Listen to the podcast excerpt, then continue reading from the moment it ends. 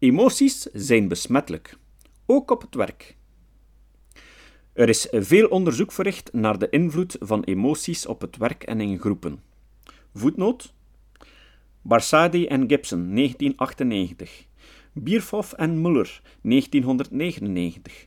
George, 1990 en 1995. Grawitsch en Muns, 2005. Grawitsch, Muns en Kramer, 2003. Grawitsch, Bloch en Ratner, 2005. Einde voetnoot.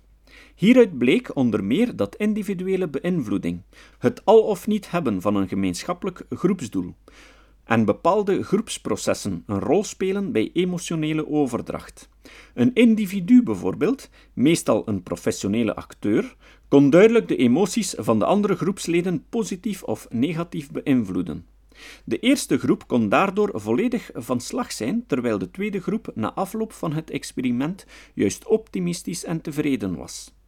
Zo'n emotionele besmetting kan een bedrijf zowel positieve als negatieve gevolgen opleveren. Als in een bedrijf eenmaal een negatieve sfeer heerst, is het zeer moeilijk deze negatieve spiraal te doorbreken.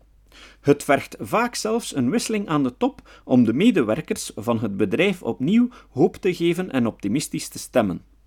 De toespraken van Barack Obama beroerden menig toeschouwer, ook buiten de Verenigde Staten.